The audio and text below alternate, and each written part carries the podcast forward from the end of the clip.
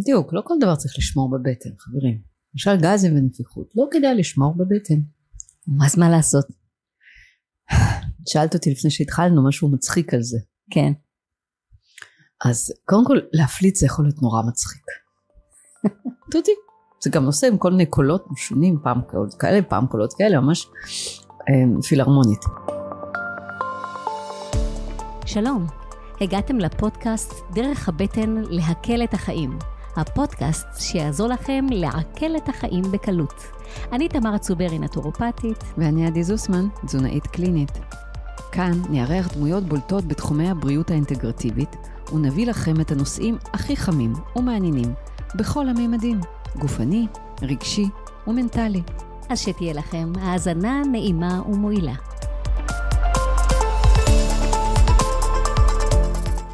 שלום לכם, עוד פרק בפודקאסט דרך הבטן להקל את החיים, והיום אנחנו נראיין אותך עדי זוסמן.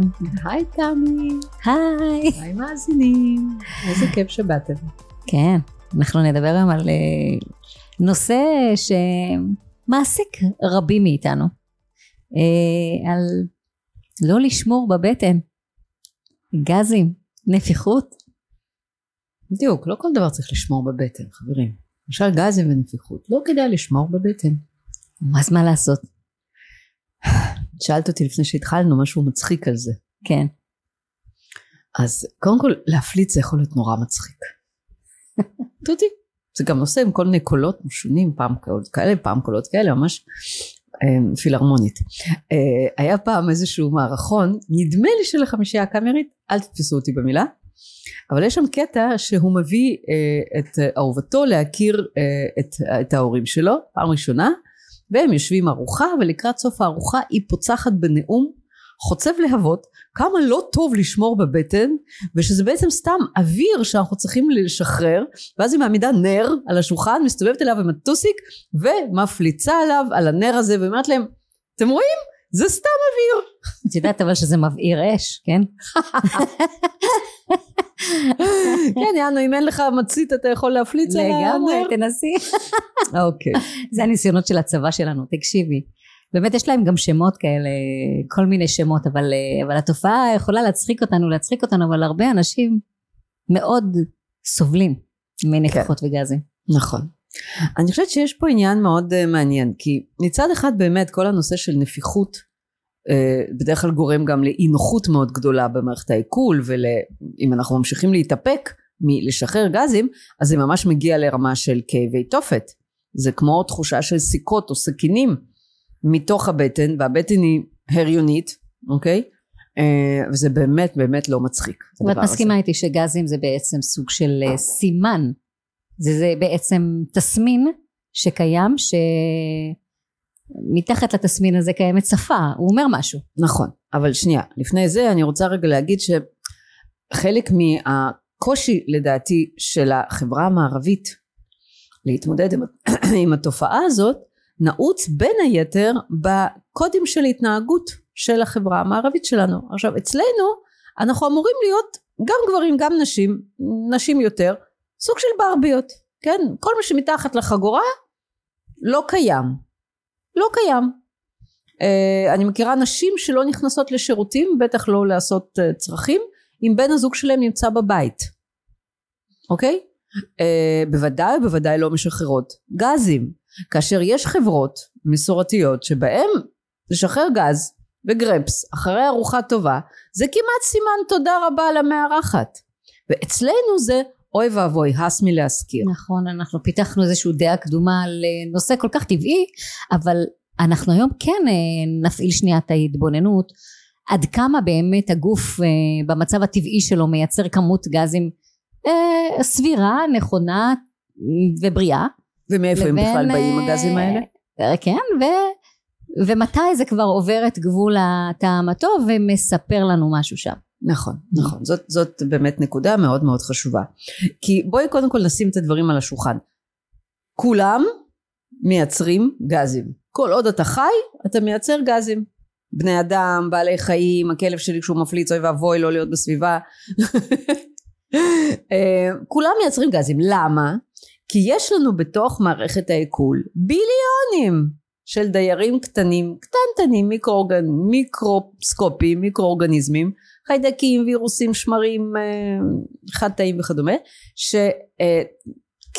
כ... אה, חילוף חומרים. חילוף החומרים כביטוי לחילוף החומרים שלהם ולפליטת הנשימה שלהם שאצלם זה תסיסה בעצם נפלטים גזים בדיוק כמו שאנחנו פולטים CO2 בנשיפה שלנו אה, הם פולטים את הגזים שלהם וזה טבעי וזה נורמלי. אוי ואבוי אם זה לא יהיה.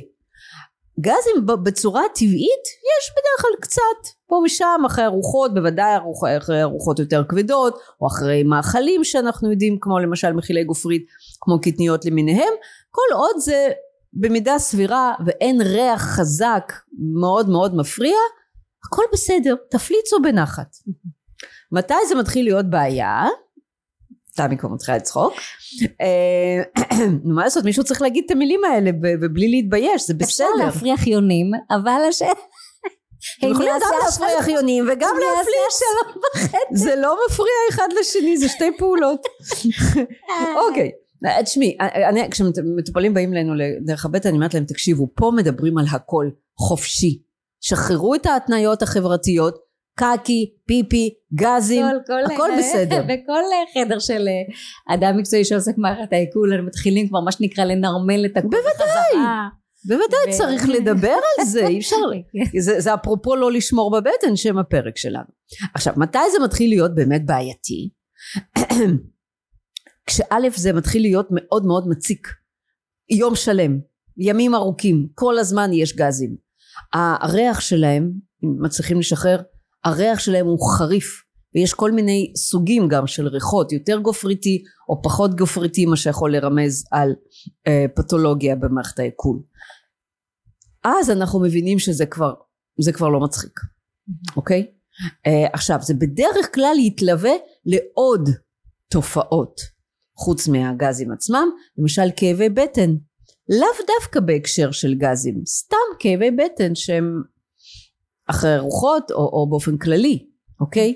אמ, גרפסים. גרפס זה גם בדיוק. לגמרי לגמרי כאילו גרפסים הרעיון הוא שאותו גז יכול לצאת משני הפתחים. מהפתח נכון, העליון או מהפתח נכון, התחתון. נכון. וכל מיני בעיות מבחינת ההתרוקנות מבחינת הצואה אוקיי? אה, אם מתחיל גם שם בלגן פעם יש שלשול פעם יש עצירות פעם אתה לא יודע מה יש אנשים שהם שלושה ימים לא נכנסים לשירותים ואז הם יום שלם לא יוצאים מהשירותים אוקיי? וזה מתלווה לגזים ולכאבי בטן. סביר להניח סביר להניח שמה שאתה בעצם מסתובב איתו נקרא תסמונת המעי הרגיש סלש רגיז או בשפה מדיצינית irritable bowel syndrome. ששמה בעצם אנחנו מדברים על תסיסה מוגברת יתר על המידה וגם כליאה של גזים. נכון, במיוחד אם בן אדם נמצא באמת במקום אה, אה, סוציאלי חברתי שהוא לא יכול להרשות לעצמו לשחרר גזים במיוחד אם הוא יודע שיש להם ריח חריף אז אנחנו בבעיה. אז אם דיברנו למשל על IBS, כן? אז אה, ניתן ככה בכמה תסמינים ככה אם בן אדם רוצה לאבחן, לחשוד שהוא סובל מ-IBS ניתן ככה בכמה תסמינים כן, uh, במה מדובר במה מדובר כן. אז קודם כל ככה בינינו בשקט אף אחד לא שומע. אמ, כל מה שמתחיל במילה תסמונת משמעו אין לנו מושג מאיפה זה מגיע ומה לעשות עם זה. אבל הרפואה לא יכולה להגיד את זה לא נעים אוקיי? אנחנו כאילו מתיימרים לדעת הכל אז נותנים לזה שם תסמונת או סינדרום. תכלס זה מצבור של תופעות שעד שבאמת גם היום עוד מתקשים באמת לאחד ביניהם אבל כבר יודעים לומר שזה קשור להפרעה בחיידקי המעיים. אנחנו נשתמש במילה חיידקי המעיים בתור שם קוד. מה שנקרא דיסביוזיס. דיסביוזיס זה חוסר איזון בחיידקי המעיים. מי שעוקב אחרי הפרקים שלנו בטח כבר שמע את המילה הזאת ולכן המטרה שלנו היא להחזיר את הבן אדם לאוביוזיס אוביוזיס קרי מערכת מיקרוביאלית מאוזנת. ומאיפה זה יכול להתחיל?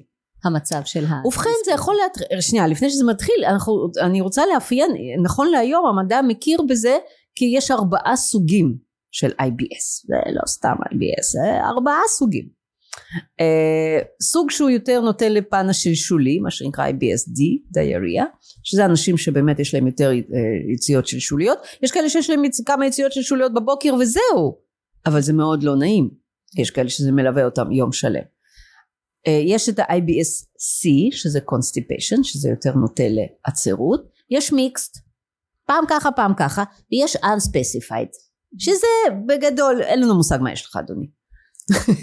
כן אני נתקלת בזה בקליניקה unspecified זה, זה מאמלל. די הרבה אבל אני אומרת תמיד לכל uh, מצב כזה יש uh, שורש יש התחלה. נכון לא נולדים עם זה ברוב המקרים נכון. למרות שאנחנו פוגשים עם ילדים אה, אני יודעת. כן. טוב הגיל הולך ויורד הולך הופך את הדור מה שנקרא. כי? כן. מאיפה זה מתחיל? אז זה יכול להתחיל מכמה גורמים. הגורם הפשוט יותר וזה אפרופו הפרק שלנו שדיברנו על טפילי מעיים הוא יכול להתחיל באמת מזיהום. אוקיי בן אדם חטף איזשהו קלקול קיבה מה שנקרא בלשון העם כולם עברו את זה בשלום והוא לא והוא נתקע וזה לא עובר ולא עובר ולא עובר ולא עובר וכבר הופך להיות כרוני. אז כן אצל אנשים שיש להם predisposition נטייה נכון? לתופעה הזאת אה, זיהום של מערכת העיכול יכול להיות טריגר להתפתחות סלש התלקחות של IBS אה, יש עניינים הורמונליים שמעורבים בזה בין אם זה בלוטת התריס או בין אם זה הורמונים נשיים. אה, לכן באמת רואים יותר נשים בגיל הפוריות עם זה לא רק. כאילו אם מקשיבה לנו אישה שכבר עברה את גיל הפוריות שלה ויש לה את זה זה לא לחשוב שאת לא. אבל את יודעת סטטיסטיקה. אמ, אז אנחנו יודעים שסביב המחזור וסביב הביוץ יש הרבה מאוד עניינים עם זה. אה, אני למשל בהיריון השלישי היה לי וואו היה לי IBS נוראי. אני שלשלתי משלוק מים. שני הריונות קודמים לא היה כלום. אני לא יודעת למה. היה לי IBS יכול להיות שהיה לי עוד משהו אף אחד לא ניסה לאבחן אותי כן אמ, מה עם גורמים מעורבים של מזון נגיד אי סבילות מזון כן, יכולה להיות. רג- יכולים להיות, זה פחות אלרגיות, זה יותר רגישויות. כי אלרגיה יושב על מנגנון חיסוני של מה שנקרא IgA. אני שזה- על אי סבילות מזון בדיוק, כן. שזה יכול להיות מסכן חיים. אנחנו לא שם. פה מדובר באמת לפעמים ברגישויות, מה שנקרא באמת אי סבילות או סנסיטיביטי למזונות מסוימים. זה יכול להיות לגלוטן, זה יכול להיות כמובן ללקטוז, רוב האוכלוסייה הבוגרת. אה, במזרח התיכון אין לה מספיק אנזים לקטס בשביל לעכל את הלקטוז, אה, אבל גם לחלבון החלב, הזכרנו קודם קזאין, יכולה להיות רגישות. גם פוקטוז גם לפרוקטוז יכולה להיות רגישות כמובן. והיום אנחנו גם מכירים בסיבו שזה התפתחות של ה-IBS המעי הרגיש אה, שזה ממש אה, היווצרות של מושבות כן זה יש לנו גם של אה, חיידקים. גם תזכורת באחד הפרקים שכדאי לעקוב כן. אחרי אבל גם וגם פן נפשי. בדיוק. אי אפשר לא רק לברוח פן מזה. נפשי האם נתקלת בפן נפשי כאילו טראומטי כלשהו וגם טראומה גופנית? וואו כן.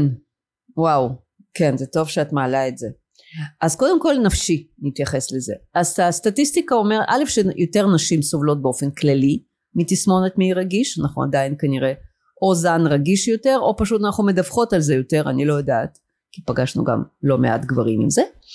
אמ, ו, ו, ושוב אני חוזרת עוד פעם לסטטיסטיקה שיש קשר בין שכיחות פגיעות מיניות לבין שכיחות של IBS והפגיעה המינית יכולה לה, לה, להתרחש שנים לפני שמתחילה הבעיה אוקיי? או יותר בצמוד אבל בהחלט יש קשר. uh, כמובן שיש גם קשר לדברים אחרים כמו למשל חרם. ילד נערה שעוברים חרם בבית ספר זה בדרך כלל טראומה שיכולה להשליך על התפתחות של מחלות והפרעות של מערכת העיכול בטווח של שנים קדימה לגמרי מוכח מחקרית. אמ, וגם טראומה פיזית למשל אני זוכרת מטופלת אחת שלנו אמ, שהיא כבר הייתה סופר מאוזנת ואז היא נפלה. אישה מבוגרת נפלה. הכל התחיל מההתחלה. אני על זה אה, רוצה קצת להזכיר להגיד משהו קצת אה, סליחה שפה אני לא שואלת ואני אומרת. את יודעת באירידיאולוגיה אנחנו רואים את המבנה התוך אה, בטני את כל המבנה של אה, גם המעי הדק וגם המעי הגס ויש דבר כזה שנקרא מעי משונן שרואים ממש את המבנה של המעי ואת השינויים המבניים בתוך המעי.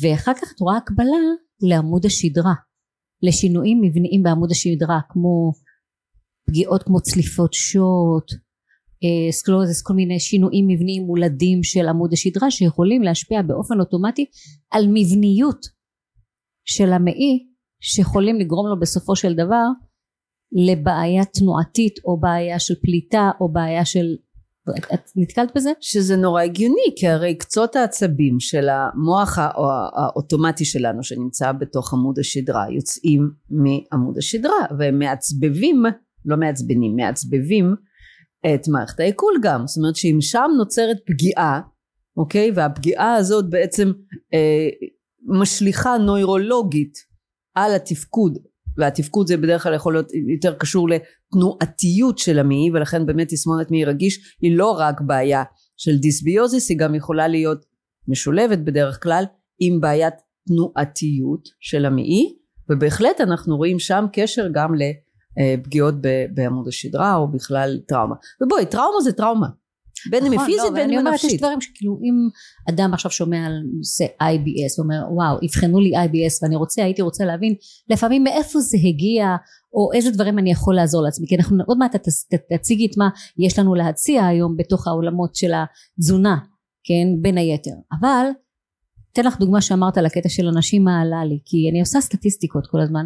אני כן רואה שנשים שעברו אה, הריונות ש, של עוברים אה, גדולים בחלל הבטן משהו שם דחק את המבנה הבטני או היה שם עניין של אה, הריונות של תאומים או, או, או הריונות שהאישה עלתה במשקל יותר וזה גם שינה שם את כל המנח הפנימי והדבר הבא שיכול לגרור להם בין היתר על רקע מבני IBS שינוי מבני של המעי נתקל בזה?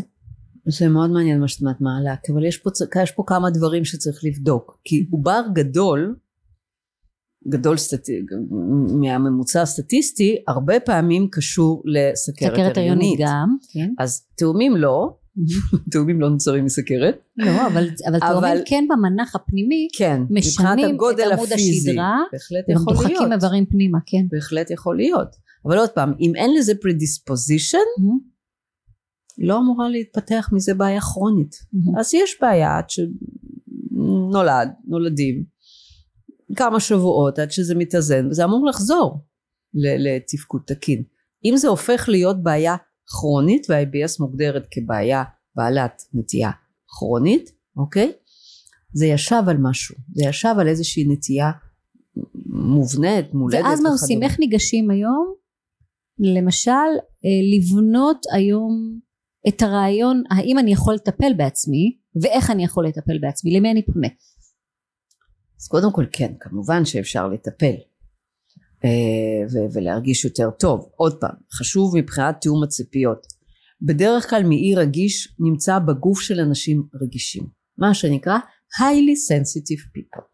אז אתם כנראה לא תפסיקו להיות אנשים רגישים ולא תהיו כאלה שיכולים לאכול איזה לאפה עם שווארמה עם אה, אה, ליטר קולה לעשות גרפס נחמד לטפוח על הכרס ולהמשיך את היום. כנראה שלא אוקיי? אבל זה גם לא בדיוק אנשים מאוד רגישים. ולכן צריך להבין שהרגישות כנראה תמיד תהיה שם. זאת אומרת צריך לדעת לעבוד עם מערכת ההפעלה. בדיוק. היא לא תמיד צריכה להיות רגיזה. אוקיי, פעם התראיינתי אצל קרסו. צריך לזהות מה מרגיז אותה. זה לגמרי ככה. התראיינתי פעם אצל קרסו ואמרתי לו תקשיב המערכת עיכול רגישה היא תמיד תישאר רגישה החוכמה שלנו היא לא להרגיז. לא להפוך את זה לתסמונת מרגיז. אוקיי? אז קודם כל לדעת מה יש לך איך היום יודעים מה יש עדיין מבחינת האבחונים ברפואה המודרנית אין אה, אבחון אה, שמאבחן את זה.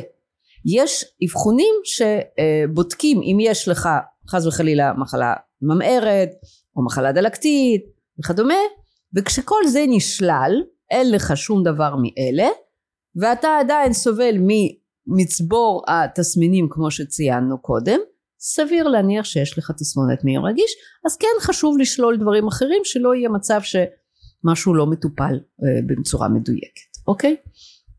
עכשיו מה עושים? וואו, מלא דברים. אמ, אני הייתי מתחילה קודם כל, אמ, הכי פשוט זה להתחיל מהאוכל. זה הכי פשוט, עוד לפני שנכנסים לנבחי הנפש וכל הדברים האלה. מהתזונה. מה, זה מעבר לתזונה. קודם כל זה האיך אוכלים, אוקיי? עכשיו איך אוכלים קריטי לפעמים יותר ממה אוכלים, אוקיי? אה, אנשים אוכלים בלילה, אנשים אוכלים, מנשנשים כל היום, שותים קפה ומנשנשים כל היום, או נמנעים מאוכל הרבה שעות, גם לא טוב, אוקיי? אנשים שיש להם IBS הרבה פעמים אוכלים איזה משהו קטן בבוקר ובגלל שכואבת להם הבטן הם לא אוכלים כל היום עד הערב, גם לא טוב, אוקיי? אז קודם כל הייתי או עושה... או מאידך אה, אכילה של אה, צלחת שהיא עשירה בכל כך הרבה או מוטיבים. משהו מאוד מורכב, כן. בדיוק, בדיוק, אני לפעמים אני רואה, לא מזמן מטופל שלח תמונה, יש לו גם, גם אורז, גם ירקות מבושלים, גם אגוזים, גם סויה, גם זה, גם, רגע, מה קרה, מה כל המסע הזאת, המאייה המסכן שלך, מגרד בפדחת, איך הוא מתמודד עם הדבר הזה, איזה אנזימים הוא מפריש בשביל לעכל את כל זה, פשוט. אז שנייה, אבל פה את קופצת איתי עוד פעם למה, רגע, קודם כל איך, איך זה? בואו נתחיל לשים, את מדברת על זה ואני מאוד אוהבת את המילה הזאת, תזונה מתוזמנת, אוקיי? נתחיל לשים לב לשעות, אבל זה, מה זה אומר? זה לא לאכול לפי שעות. אגב, אנשים שלא מחוברים לגוף אוכלים כי צריך, כי הגיעה שעת הצהריים, לא. אנחנו רוצים שתתחברו לגוף, אוקיי? שים לב אם אני רעב. קמתי בבוקר, זה לא אומר שאני צריך עכשיו לאכול ארוחת בוקר. יופי שקמת. תגיד ברכה, תודה שהחזרת את נשמתי בקרבי, ותתחיל את היום שלך, אוקיי? מתי מגיע הרעב? כשמגיע הרעב, אז תאכל. תשע, עשר בבוקר, הכל בסדר. הקידוש הזה של ארוחת הבוקר, אני חושבת שהוא נובע מאיזשהו פימפום של uh, חברות uh, מזון גדולות, שרצו למכור לנו את הדגני בוקר, שזה הקשר בינם לבין דגנים הוא מקרי ביותר. מזון אולטרה מעובד, כן? כן, הקשר ביניהם למזון מקרי ביותר, כן, זה, זה מזון שלא מתקלקל. מה זה מזון שלא מתקלקל? בדיוק. אמ, נכון? זה כמו בונזו, זה יכול לעמוד שבועות על המקרר, לא קורה כלום. אז זה לא מיועד למאכל אדם.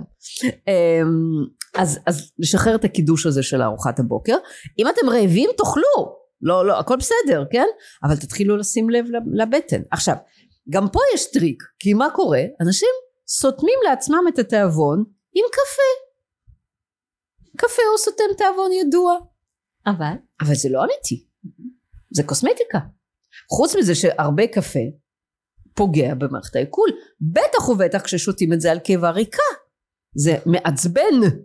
גם מייבש. גם uh, מעכב ספיגה של uh, נוטריאנטים מאוד חשובים לגוף.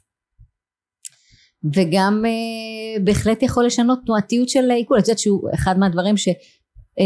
את השוער של בין הקיבה למעי הדק הוא ממש יכול לשבש את התנועתיות שלו קפה, קקאו, תה שחור, כל. הקפאים. את כל השוערים. נכון. אגב, הוא מעצבב את עצב הווגוס, העצב הטועה שיוצא לנו מהגולגולת, משני הצדדים. ויורד לאורך כל מערכת העיכול, ובעצם מפקח גם על התנועתיות, גם על הפרשת מיצי עיכול, אה, אה, אה, חומצות בקיבה וכדומה, אוקיי? אז הקפה בעצם מגרד, מגרד אותו, כן, זאת מילה יפה, מגרד, גורם בעצם דרך ההפעלה של האצטיל חולין להפריש יותר חומצות, הנה קיבלנו גם בעיות בקיבה, צרבות, ריפלוקס וכדומה, והוא כמובן כמו שאמרת הוא מחליש את השוערים וזה אנחנו לא רוצים. אז קודם כל להתחיל לשים לב כמה פעמים ביום אתם אוכלים ובאיזה תדירות. המלצה שלי קודם כל תחלקו את היממה לשני חלקים 12 ו-12 זה נורא יפה שהיממה היא 24 שעות את לא חושבת שזה מאוד מתחשב בנו? מעניין מי עיצב את זה ככה אז אה, 12 שעות את יודעת מה בקבלה מדברים על, ה, על היממה כשמונה שמונה שמונה. וואלה. כן שמונה שעות שינה כאילו ועם ההתכנסות התכנסות לשינה כולל שינה שמונה שעות של אה, עבודה פרנסה אה, וכולי ושמונה שעות של לימוד ו- וטיפול בגוף שלך ובחיי הקהילה והמשפחה I שלך. like it. קניתי. כן, שמונה שמונה שמונה. כן אבל שמונה שעות להימנע מאוכל זה לא מספיק בדרך כלל. לא כולם מסוגלים לזה זה... כן. מה? בלילה? שמונה שעות בלילה? לא לא, לא לאכול? מספיק, לא, לא. לא מספיק, יפה, אז אנחנו מסכימות. Mhm. זה כיף לדבר עם מישהו שמסכים איתכם, אני נכון? מסכימה עם כל דבר שאת אומרת. לא נכון. כמעט. ואני לא כזאת. אמ, 12 שעות לא לאכול. 12 שעות לתת מנוחה למערכת זה לא בכדי שהיום כל, הזאת. ה, כל הטרנד הזה של אה, צומות. 16-8 שמונה, תפס 16. חזק, נכון. ונותן לאנשים להרגיש טוב. זה נכון, לא, לא, לא נכון. בכדי.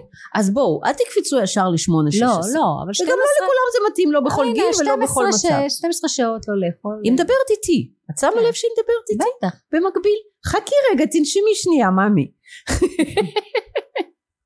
אז, אז שמונה שעות, ואני מאוד מסכימה איתך שזה באמת לא בכדי אה, אה, מצטרף היום לכל הט... ט- זה טרנד, אחלה טרנד של הצום לסירוגין. אני מאוד בעד, אבל עוד פעם, אי אפשר מ-0 ל-100. אנשים לא יכולים לקפוץ עכשיו ל-16 שעות צום בלי שתתעלפו בדרך. לא, לא צריך. אם אתם רגילים לסיים את הארוחות שלכם ב-10-11 בלילה ולהתחיל את הארוחות ב-6-7 בבוקר, וואלה כמה שעות נתתם לבטן לנוח? כלום ושום דבר, נכון? לא טוב. אז 12 שעות רוב האנשים מסוגלים לבנות את זה די מהר, את ההימנעות מאוכל. טיפ, גמרתם ארוחת ערב בסביבות שמונה בערב, לכו צחצחו שיניים. once צחצחת שיניים, הסיכוי שתאכלי אחר כך משהו קטן. יפה.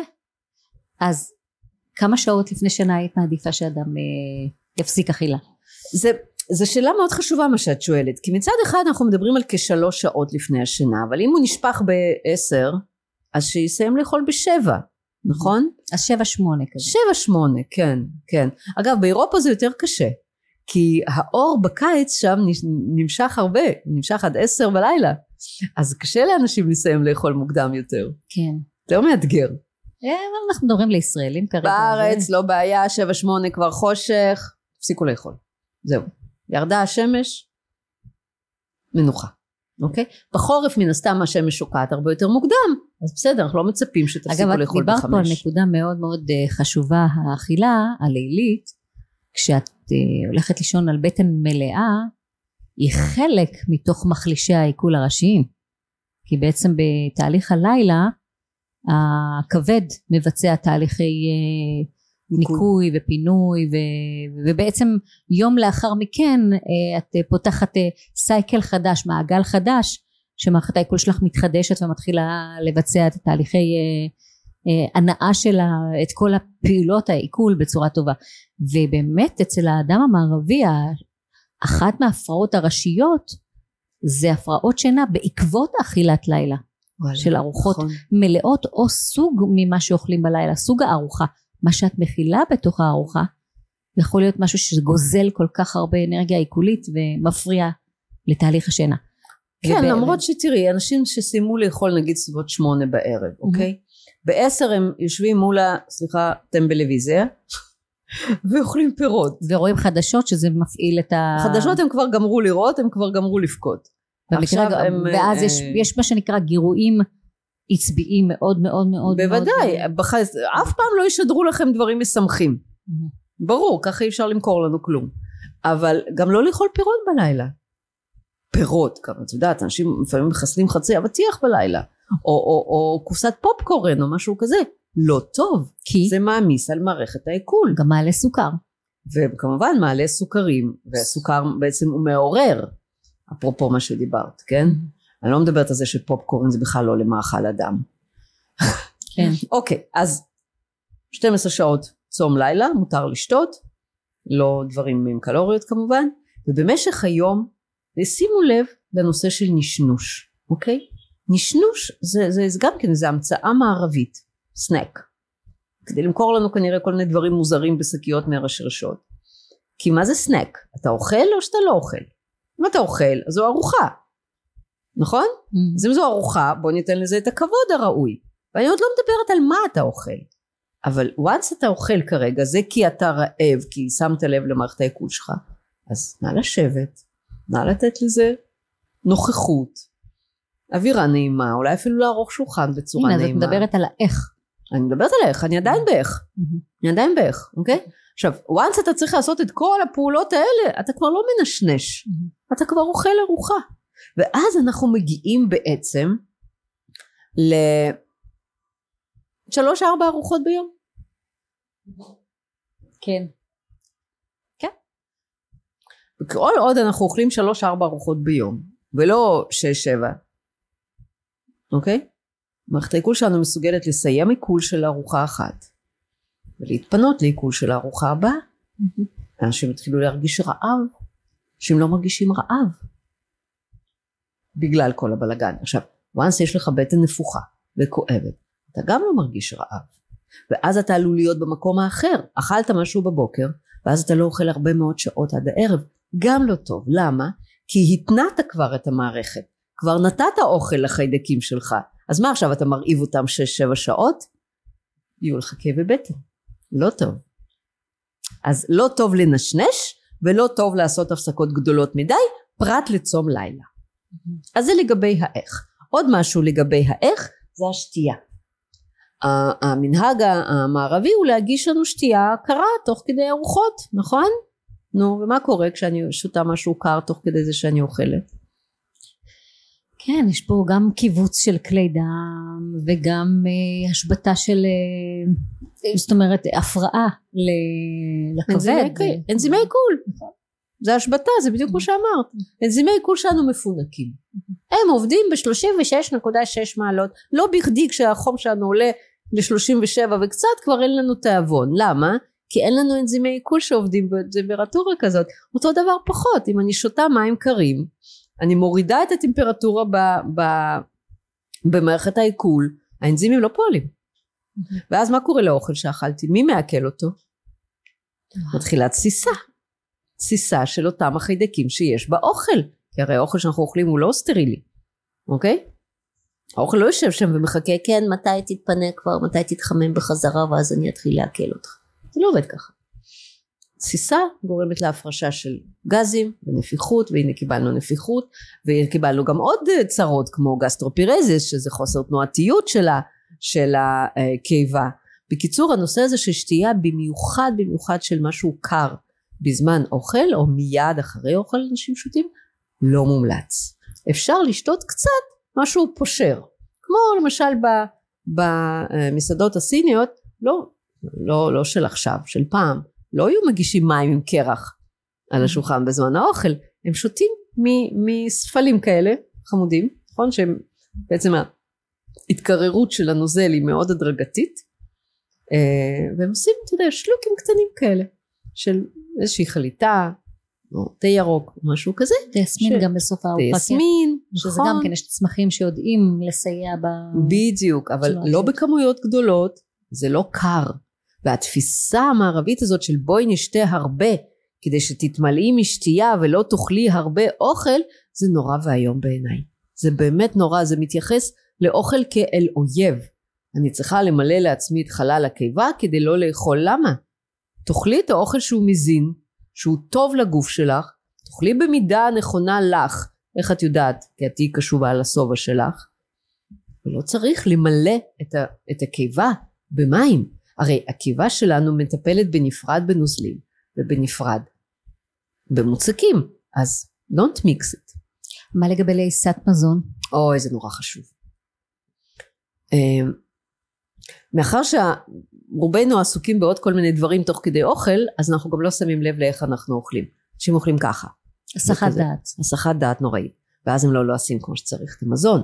once אנחנו לא לועסים האנזימים לא יכולים לגשת לחלקיקי המזון ולא יכולים לעכל אותו כמו שצריך זאת אומרת שמסתובבות לנו במערכת העיכול מולקולות גדולות שלא התעכלו כראוי רק בגלל שלא לעסנו כמו שצריך מישהו פעם שאל אותי בחור עם קוליטיס מה זה קשור מה איך אני לועס? הקוליטיס שלי זה בסוף המעי הגס. אמרתי לו כן בדיוק ההפרעה הבראת הקוליטיס שלך מתחילה בפה. איך אתה לועס? אז אנשים באמת עם תסמונת מי רגיש קריטי לאכול בנחת, אה, אה, אה, לעיסה טובה, ככה ליהנות מהאוכל, היי, באנו ליהנות. גם נהנה. שבכלל כל חלל הפה עוסק בייצור רוק שהוא גם חומר מחטא וגם חומר שמסייע לסיכוך נכון. האוכל ומסייע לפירוק נכון, יש בו המילזה, סוכר. כן, נכון, כן. נכון, נכון, יש בו כבר אנזים, נכון, לה- אנחנו לא מעמיסים על. הקיבה אה, לעבוד אה, כן בדיוק, בדיוק, זה מאוד חשוב, בטח. כמות האוכל את מתייחסת כן. אני אף פעם לא אגיד לבן אדם כמה לאכול. כי מי סמני? באמת, מי סמני? התואר שלי סמני? המאה שנות ניסיון? אבל הם, הם שלי, הם לא שלו. אוקיי, איך אני יודעת מתי אתה שבע? אני לא יודעת. אני גורם חיצוני. אני יכולה רק להזמין אותך להתחיל לשים לב לכמויות שבהם אתה שבע באמת. עכשיו, איך עושים את זה? איך אפשר לשים לזה לב? הרי אם נורא טעים אז אנחנו רוצים לאכול עוד ועוד אז אנחנו מפוצצים את עצמנו ואח כואבת לי הבטן להניח את הסכו"ם ליד הצלחת תוך כדי לעיסה. לקחת נשימות מדי פעם תוך כדי ארוחה.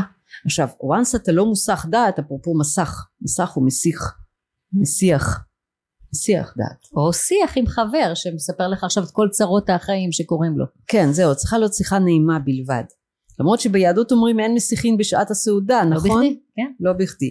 למרות שאני מאמינה שאבות אבותינו אכלו בח- בחבורה, הם לא אכלו לבד. אבל זה היה כנראה זמנים לא, אחרים. יש את העניין שאת יכולה לאכול בחבורה. אה, למשל לפני אה, כחודשיים אה, אה, הוזמנתי לאכול ב- אצל חבר טוב, דרוזי, משפחה דרוזית, כולם מתיישבים על הרצפה, כל הארוחה אה, מוגשת, ארוחה כיד המלך, אה, ואת רואה אותם מאוד סלקטיביים במה הם בוחרים לצלחת. את רואה אותם מסבים ואוכלים בצורה בתנוחה מסוימת, ממש באיטיות, לועשים טוב טוב טוב את האוכל, והם לא עם- מדברים באותו עם רגע. ידיים. כן, אבל הם לא, אוכל- הם לא מדברים יותר מדי במהלך ה... יש מה שנקרא תנועת רוגע סביב השולחן. בסיום השולחן שסיימו וכבר אה, ניגשו לחדר אירוח, שזה היה נפלא לראות את זה, שם הם התחילו לדבר על דברים, אבל גם בנחת ורוגע. לא... וזה משהו חשוב. ו... זה מאוד יפה, כי את יודעת מה את מזכירה לי עכשיו שאת מספרת את זה? אמ,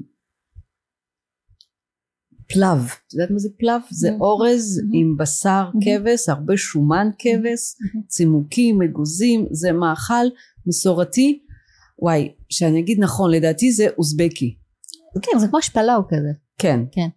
אבל בקיצור זה בא מהאזורים של, ה, של המזרח הרחוק של ברית המועצות לשעבר, אוקיי? על פי המסורת מגישים את הדבר הזה על הרצפה או על איזושהי פלטה כמובן, מתיישבים מסביב כל המשפחה ואוכלים בידיים. ממש לוקחים באצבעות חתיכות מהדבר הזה ושמים בפה. עכשיו בעיניי זה מופלא, למה? כי א' אתה מעורב עם הרבה יותר חושים באכילה מאשר הסכין ומזלג המנומסים שלנו ב' אתה מרגיש את האוכל גם נכון. בקצות ה... במקרה אני. התנסיתי בזה כי אני באה ממשפחה תימנית וגם אצלנו היה את זה. אוכלים בידיים בילדות כן. לקח לי הרבה זמן אה, לדעת לאכול אה, עם סכין ומזלג כי התחקיתי אחרי דברים שראיתי. נכון שזה הרבה יותר טעים? כן. נגיד אני אגיד לך יותר מזה כשאני גונבת חתיכות סלט בידיים בלי שאף אחד רואה זה הרבה יותר טעים אני בכלל חושבת. שכפות הידיים הם, כפות הידיים הם כמו אה, אנטנות. נכון יש הרבה תחושתיות ואני חושבת שזה מוסר מסרים למוח בצורה. לגמרי אחרת. חד משמעית לגמרי אוקיי אז זה לא אומר שכל מי שיש לו IBS צריך להתחיל לאכול עם לא, ידיים אם יש הרבה לפחות תשטוף את הידיים טוב טוב. בדיוק, כדאי. מאוד, כדאי מאוד, כן, אבל כל הסיפור הזה היה כדי להזמין אתכם באמת לתרגל אכילה יותר איטית, יותר בנוכחות, יש לזה שם, זה מכונה אכילה מודעת, mindful eating. ועכשיו הגענו לשלב שאדם כבר הבין פחות או יותר כמה טיפים לשנות במרכיב, אבל עכשיו הוא סובל מכאבי בטן ועדיין נפוח לו מה הוא עושה. אז אין ברירה, אנחנו צריכים לדבר על תזונה דלת, על תזונה דלת פודמה. שזה אומר שזה אומר FODMAP אלה ראשי תיבות של uh, מרכיבי מזון שהם בעצם סוג של סוכרים, סוג של פחמימות שנמצאים במזונות שנחקרו על ידי uh, אוניברסיטת מונש באוסטרליה. uh, והם גילו שיש מרכיבי מזון שמאכילים יותר חיידקים פתוגנים ואחרים שלא, שלא מאכילים את החיידקים האלה, החיידקים הפתוגנים הם אלה שגורמים לנו יותר גזים. למשל, תפוח עץ. תפוח עץ וגם אגס, אגב, הם, מזו, הם פירות שהם עשירים בפודמאפ. זאת אומרת שבשלב הראשון של התזונה הזאת, שזה בדרך כלל נע בין ארבעה לשישה שבועות, אנחנו נבקש להוריד את זה מהתפריט. אותו דבר בצל, אותו דבר שום, וזה לא משנה אם הם טריים או מבושלים או מטוגנים. ונחשבים כאילו כמטהרים וטובים, אבל בשלב הזה, בדיוק. כדי לא להחמיר את המצב, אנחנו מורידים את זה זמנית. הם יכולים להיות טובים למי שיש לו כרגע זיהום במעיים, אבל לא מי שיש לו IBS, נכון? אם יש לך טפיל אמיתי, אז דווקא שום מתאים. כן, אבל אם עכשיו אתה עם IBS וסובל מזיהום מעיים, אז, אז מתעסקים עם, עם, עם צמחים אחרים או דברים כן, אחרים. כן, כן. אז את זה מורידים, כן. אוקיי? אז אני יודעת לעקרת בית או לעקר בית ישראלי להגיד לא לטגן, לא לאכול בצל, בצל מטוגן, הוא יגיד אז מה אני אוכל? אז יש כל מיני פטנטים לזה, למשל יש תבלין שנקרא אספיטידה. נכון, מהעולם ההודי. נכון, מהעולם באמת שמגיע מה, מהמזרח הרחוק, שאגב הוא פותח כדי לתת את הטעם הזה של השום ובצל, בלי לערב שום ובצל, את יודעת למה? למה? כי אכילת שום ובצל על פי בודהיזם מעלה אנרגיה, ומה כשאנחנו מעלים אנרגיה סטווי, נכון. זה מפריע לרדת לגלי אלפא בזמן מדיטציה. זאת אומרת שנזיר בודהיסטי לא, לא רוצה נוגע. לאכול שום ובצל, מעניין אם הם גם לא מפליצים. יש אמ, הרבה, הרבה, הרבה, יש כמה מזונות כאלה שהם כן. נכנסו, כן. כן, אוקיי. אז דברים כאלה. עכשיו, אה, גלוטן, אין מה לעשות, חיטה, גלוטן, אה, גלוטן חיטה, שיפון, גריסים, כל הדברים האלה, אנחנו מורידים. גם מוצרי חלב, במיוחד רכים, שמכילים לקטוז, כולל קוטג'. אה, גבינות רכות, כמובן לבן, יוגורט, חלב, כל הדברים האלה יורד, מורידים. יורד מהפרק. אפשר קצת גבינה קשה, צריך לראות לפי הסבילות של הבן אדם. אה, ואני תמיד ממליצה גם אם כבר גבינה קשה אז עדיף מחלב עזים כי החלבון שלו כן. פחות אלרגני. לקולת החלבון ראשונה. בדיוק, היא שונה, זה כזין אחר. אמ, ירקות, אז ברור, כולם יודעים שאם יש לך גזים, אז כרוב, כרובית, אה, ברוקולי, לא מתאים, אוקיי? אבל דווקא כתומים כן, וקישואים כן, אה, שועית ירוקה, עלים, הרבה עלים ירוקים, בדרך כלל אין בעיה. עכשיו, פה אני רוצה לציין משהו מאוד אה, חשוב. תראי, יש אחלה אפליקציות היום, כי מישהו מקשיב לי, אומר יופי, אז מה, מה, מה אני צריך עכשיו לבוא לטיפול? אני אוריד את האפליקציה, יש אפליקציה של אוניברסיטת מונש, באיזה 30 שקל חד פעמי, ו- וזהו, יש שם את כל הרישום, נכון? כן, זאת רשימת מכולת נהדרת, אני באמת נעזרת בה אם אני לא זוכרת לגבי איזשהו מזון. אבל זה לא לוקח בחשבון את הסוג של התסמונת מעי רגיש שהבן אדם מתמודד איתה, Mhm. ומן הסתם מלפפון, פלפל, גזר, חסה, דלי פודמאפ, אין בעיה כביכול לאכול אותם בתזונה דלת פודמאפ, אבל אם בן אדם סובל משלשולים, אני לא אתן לו סלט כזה, כי זה אוכל קר, אנרגטית, אוקיי? אני כבר מסתכלת על זה מעבר לעיניים של הדיאטנית אה, אה, שעובדת עם דל פודמאפ, אלא באמת בעיניים... נכנסת, נכנסת בעצם לרזולוציות יותר אישיות פרטניות. נכון, נכון. למרות שעוד פעם, גם כדיאטנית אני יכולה להסתכל על זה ולהגיד, רגע, אדם משלשל, אז מה, אני אתן לו את כל הירקות הטריים האלה? לא הגיוני, אוקיי? אז אנחנו הולכים יותר על ירקות יותר מבושלים, מאודים, מאודים, כן. מוקפצים וכדומה, אוקיי? אה, כדאי מאוד לא לעשות את זה לבד, כי אנחנו מקבלים לפעמים אנשים שמגיעים לקליניקה, הם כבר שנה בדל FODMAP, מה שלא מומלץ, כי זו תזונה מוגבלת, דלה בסיבים יחסית, אוקיי? אה, ומי שנתקע עליה, משהו שם לא מדויק. אתה לא אמור להיתקע על התזונה הזאת לאורך זמן. את נעזרת בצמחי מרפא קרמנטיביים בוודאי. סופרי גזים? בוודאי, כן? בוודאי. למשל אני מאוד מאוד אוהבת לעבוד עם אמ, חליטה או מרתח של אה, זרעי שומר וזרעי קימל שהם נהדרים לנושא הזה של, ה, של הגזים. אגב גם קמומיל למרות שגם שומר וגם קמומיל מוגדרים ב, באפליקציית מונש כ- כעשירים בפודמאפ אז כנראה שזה עובד אחרת כשזה חליטה. עובדה זה עובד, כן. אוקיי? כן, יש גם את האניס. יש, אה, יש את האניס, יש את המליסה שיכולה קצת לסייע, זאת אומרת אפשר להרכיב איזה משהו ככה, חד משמעית. הפנל, הש- השומר, יש אפילו של, שלושה סוגים של זרעי שומר שיכולים ממש לסייע, מהמם, אה, ובאמת אה, התחלת לדבר עכשיו על פרוביוטיקה. גם כאן צריך קצת דיוק בכל הנושא נכון, של הפרוביוטיקה. נכון, כי יש מחקרים לכאן ולכאן. אמ, אני אוהבת לעבוד עם פרוביוטיקה, אבל אה, אני לא אמליץ עליה בתחילת התהליך. כי זה מרגיש לי כמו להוסיף שמן למדורה. גם ככה כבר יש שם בלאגן, גם ככה כבר יש שם דיסביוזיס. מה נוסיף עכשיו עוד חיידקים לשם?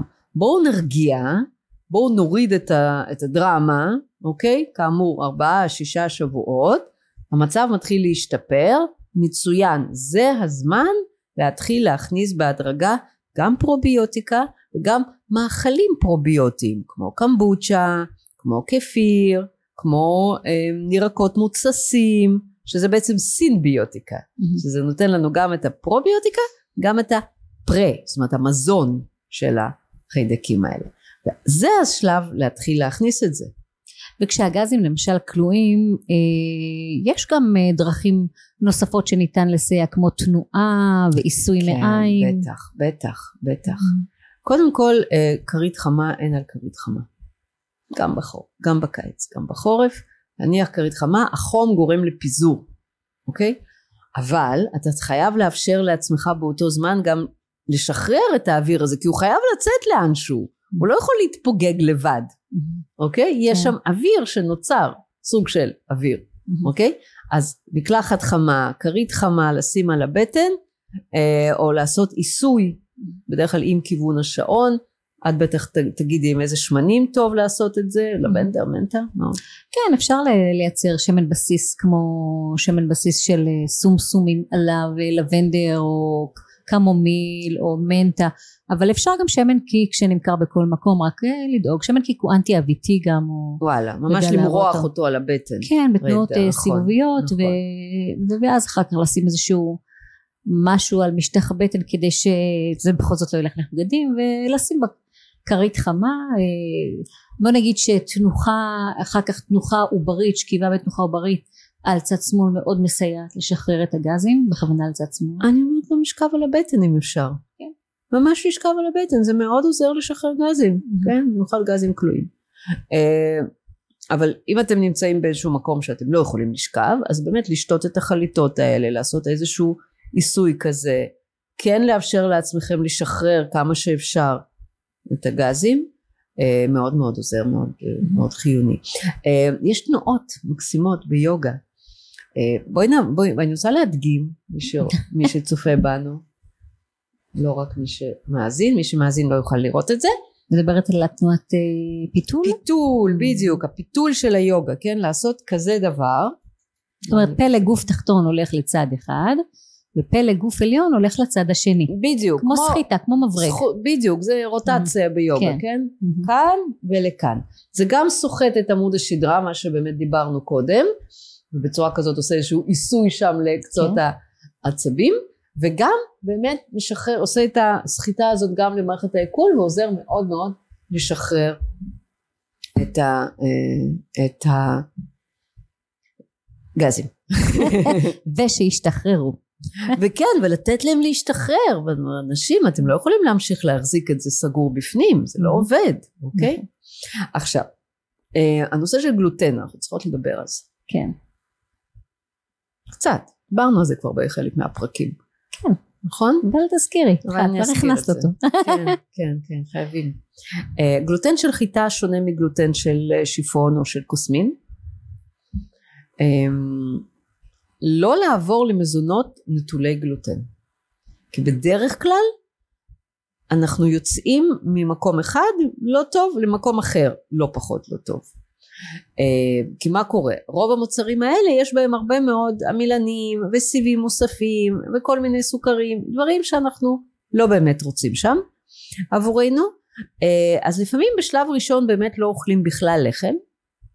אה, אפשר לנסות קוסמת, קוסמת ירוקה, יש ממנה טורטיות נהדרות, או יש היום גם לחמים מקוסמת או מטף. אה, ואז... אה, פרסומת ירוקה בסדר לפודמאפ, נכון? אה, כן, כן, בהחלט, בהחלט. להפך, היא מכילה מוצילגים, מה שמרפד מאוד יפה מבפנים. אחלה אה, פסאודו דגן. אה, אז עדיף לאכול דגנים כאלה, כמו קוסמת, כמו קינוע. טף. שיבולת שועל שימו לב, כי בשיבולת שועל יש חלבון שהוא דומה לגלוטן, נכון, יש אנשים שמגיבים אליו. ויש אנשים רגישים בשלב הראשון במיוחד שזה לא מסתדר להם, יכול להיות שבהמשך זה כן. אה, מזל הוא. שהיום באמת גם מקינוע וגם מקוסמת את יכולה למצוא במרכולים אה, גם קמחים. פשוט לעבוד עם הקמחים כן, שלהם. אבל את צריכה להתסיס אותם. את לא יכולה סתם לערבב את זה עם קצת מים ולעשות מיד אה, טורטיה. זה חייב לעבור תהליך של התפחה או התססה. אז מה שאני עושה בדרך כלל אני אה, מכינה את הקמח ואז אני פשוט מערבבת את הקמח עם תבלינים ונותנת לו כמה שעות להיות מוצס זאת אומרת מכוסה ומוצס בדיוק. Mhm. כמה שעות זה כמה שעות, זה מינימום שש שעות. כן לילה לילה. בדיוק. במקום אה, קריר ומוצל זאת אומרת לא חם כן, אבל גם לא. במקרר. לא קריר ומו- ומוצל זה על השיש במקום שהוא כן. לא חשוף לחלון אה, שיביא כן, קרני השמש אבל אז את בעצם מייצרת סוג של מחמצת. נכון זה הרעיון ואז מתפרקים חלק מאנטי נוטריאנטים שיש בתוך הדגן. אה, אנטי נוטריאנטים זה חומרים שנמצאים במזונות מהצומח, שמבחינת הצמח הם נועדו להגן עליו, אבל מאחר שאנחנו בעצם המזיק מבחינת הצמח, אה, אז אנחנו אה, נפגעים מזה וזה לא טוב לנו. לכן בטח ובטח אנשים רגישים, לא לרוץ על קמחים כאילו זה פתרון, כל קמח גם חייב לעבור תהליך של התססה. אה, גם קמח מקטניות אגב. אוקיי? בדרך כלל בשלב ראשון אני לא אמליץ על זה, אבל אם המצב משתפר מאוד ובאמת אין מספיק מקורות חלבון לבן אדם, טבעונים, צמחונים, כן. אנחנו כן ננסה אה, קטניות אה, מונבטות, מוצסות, ונראה לפי התגובה. מדהים. וואו, אז, אה, אז יש הרבה מה ללמוד כשאתה נמצא בשלב כזה, אבל זה, אני חושבת שהגוף זה מלמד אורח חיים, אותך, נכון. ממש מלמד אותך. אבל כן. זה כדאי, כדאי ללמוד את השפה ואת האורח חיים, כי הרווחים הם גדולים. כן. אה, להיפטר מגזים ונפיחות וכאבים וחוסר נוחות, שגוזל ממנו המון אנרגיה. המון. אני אגיד לך מה, זה לא רק גוזל אנרגיה, קודם כל זה פוגע באיכות החיים. ואנחנו יודעים גם שזה פוגע בלמשל ס- אה, ספיגה של נוטריאנטים, עיכול וספיגה. יש אנשים עם, עם תסמונת מעי רגיש שיש להם אנמיה, מחוסר אה, ברזל. ואז אין למה? אנרגיה. על פניו, ואז אין אנרגיה. ואז אין אנרגיה, ואז הם שותים עוד קפה ועוד קפה. למה על פניו? כי יש פגיעה בכל התהליך של העיכול אז והספיגה. לכן שווה ללמוד את השפה הזאת. לגמרי, מהמם. מסכימה איתה, יפה. נכון? כן. כן, ולהפליץ בנחת. וואו, אז uh, נסכם בעצם את המפגש הזה היום, ולהגיד uh, לאנשים ש... אני אשים מתחת לשידור שלנו, אה, קודם כל אפשר להזמין גם את הספר שלי, אני מפרטת את זה שם בצורה מאוד רחבה, גם מהפן התזונתי, גם מהפן התודעתי, אה, ויש לנו גם מדריך כזה קצר שכתבנו לאנשים עם מעי רגיש, אז אפשר גם להוריד אותו. יואו, נהדר. איזה אדיבות. נכון? כן. ככה אנחנו. אוקיי, אז uh, אנחנו, אני רוצה ממש להודות לך, עדי, היה מרתק. ומועיל. תודה. תודה תמי. אז uh, לפני שאנחנו מפ- מפ- מפליצות כאן, אנחנו רוצים להגיד לכם, להודות לכם שהייתם איתנו כאן, ואנחנו מזמינות אתכם uh, לדרג אותנו בפודקאסט דרך הבטן להקל את החיים, ותפיצו, ותפליצו, והכל בסדר. להתראות. להתראות. תודה רבה שהאזנתם לפודקאסט דרך הבטן להקל את החיים. אז אם נושא הבריאות האינטגרטיבית בנפשכם, מוזמנים לעקוב אחרינו, דרך הכישורים במדיות השונות, פייסבוק, אינסטגרם ועוד, לדרג חמישה כוכבים את הפודקאסט. ולשתף את השפע הזה עם משפחה וחברים. אני הייתי עדי זוסמן, תזונאית. ואני תמר צוברי, נטורופטית. להתראות בפרקים הבאים.